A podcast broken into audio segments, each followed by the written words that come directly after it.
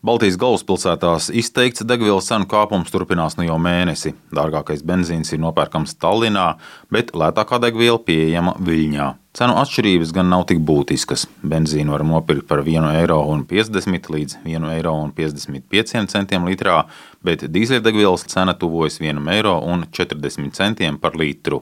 Latvijas degvielas tirgotāju asociācijas valdes priekšsēdim un degvielas uzpildes staciju tīkla Astarte nafta šefam Ojāram Karčevskim jautāju, kāpēc tagad vērojams cenu lēciens. Degvielas cenas ir šoreiz pilnībā iesaistījušās šajā histēriskajā energoresursu cenu kāpumā pasaulē. Tātad elektrība, dabas gāze ir izdarījušas spiedienu uz naftas un naftas produktu cenām, un tās ir pieaugušas būtiski pēdējo divu nedēļu laikā.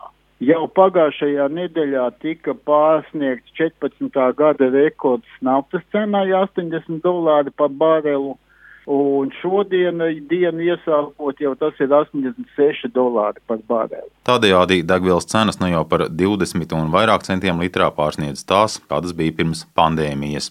Nozares līderis Karčevskis tam min vēl kādu iemeslu. Dramatiski ir pieaugusi biokomponentu cena, kuru mēs kā tirgotāji pievienojam pie degvielas saskaņā ar Eiropas direktīvām. Šie komponenti pieauguši cenā trīs reizes.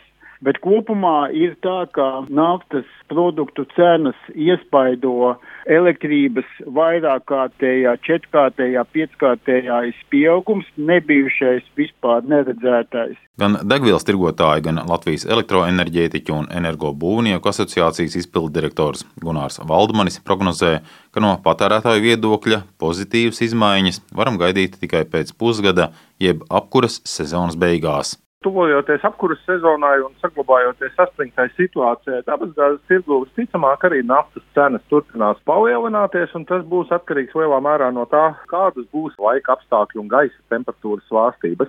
Tādu cenu atslābumu, es domāju, mēs varam gaidīt ne ātrāk kā apkurses sezonas beigās, tātad jau ziemas izskaņā nākamgad. Tad vēl varētu būt sagaidām arī kāpumi, ja? Ļoti iespējami ir arī kāpumi, tie gan varētu būt drīzāk reģionāli un saistīti ar laika apstākļiem jau konkrētos reģionos, piemēram, Skandināvijā. Tāpat savas korekcijas pilnīgi noteikti varētu ieviest arī tādu blakus faktoru, kā pieņemsim nokrišņa apjoms, kas palielina elektroenerģijas piegādes hidroelektrostaciju izstrādes veidā un uh, arī siltāka gaisa temperatūra, kas varētu samazināt pieprasījumu pēc apkures. Ekspertu piesauktā histērija radusies, jo pēc pandēmijas pāris dīkstāves sezonām uzņēmēji ļoti strauji atsākuši ražošanu un piegādes, turklāt tie, kam ir iespējas, veidojuši arī krājumus gaidāmajai sliktajai nākotnēji.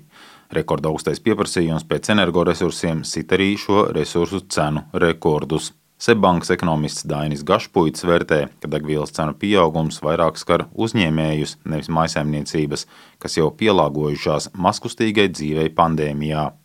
Arī uz tā saukto izklaides braucienu rēķina ietaupītais, ja ģimenes pat atteiktos no iekšzemes braucieniem, tomēr ne tuvu nebūtu tāds, lai kompensētu citu resursu cenu straujo kāpumu. Valdībai būs jādomā par atbalsta rīkiem, saka ekonomists Gašpuitis. Mēs redzam, ka pasaulē, gan arī Eiropā ir valsts, kas diezgan aktīvi šajā jomā rīkojās. Mums pagaidām vēl šīs rīcības ir salīdzinoši maz redzamas, maz jūtamas. Pagaidām mēs tikai esam nofokusējušies uz atsevišķām sociālajām grupām, kur šis atbalsts būtu nepieciešams, un tas tā kā tiek sniegts, bet ļoti iespējams, ka var nākties paplašināt šo atbalstu gan uz citām grupām, gan attiecīgi arī nedaudz palielināt atbalsta apmēru. Ekonomists ir pārliecināts, ka ap gadumie jau būsim spiesti runāt par krīzi daudzās ģimenēs, bet valdības rīcība atkal sekos novēloti. Tas ir jautājums, cik daudz mēs palaižam to pašplūsmā, jo jebkurā gadījumā tās problēmas kaut kur akumulēsies. Uzstādījuma ziņā gribētu dzirdēt no valdības, ka tiek meklēti potenciāli risinājumi, jo, piemēram, skatoties ziņu plūsmā no Eiropas, tur, tur redzams, ka tā tiek vērtēta kā diezgan liela aktualitāte no valdības puses un tiek iezīmēti jau fondi un risinājumi. Te būtu ļoti svarīga arī tā publiskā komunikācija, lai nedaudz mazinātu to stresu, jo ir dzirdams un jūtams, ka tiem, kam tiešām ir šie maksājumi katru mēnesi līdz arī, respektīvi ar ienākumiem, tur ir eh, jūtams jau stress un bažas, kā spēs tikt galā ar rēķiniem. Arī atbilstoši jaunākajam starptautiskā valūtas fonda novērtējumam, pasaules inflācija stabilizēsies līdz nākamā gada vidum. Edgars Kupčs, Latvijas radio.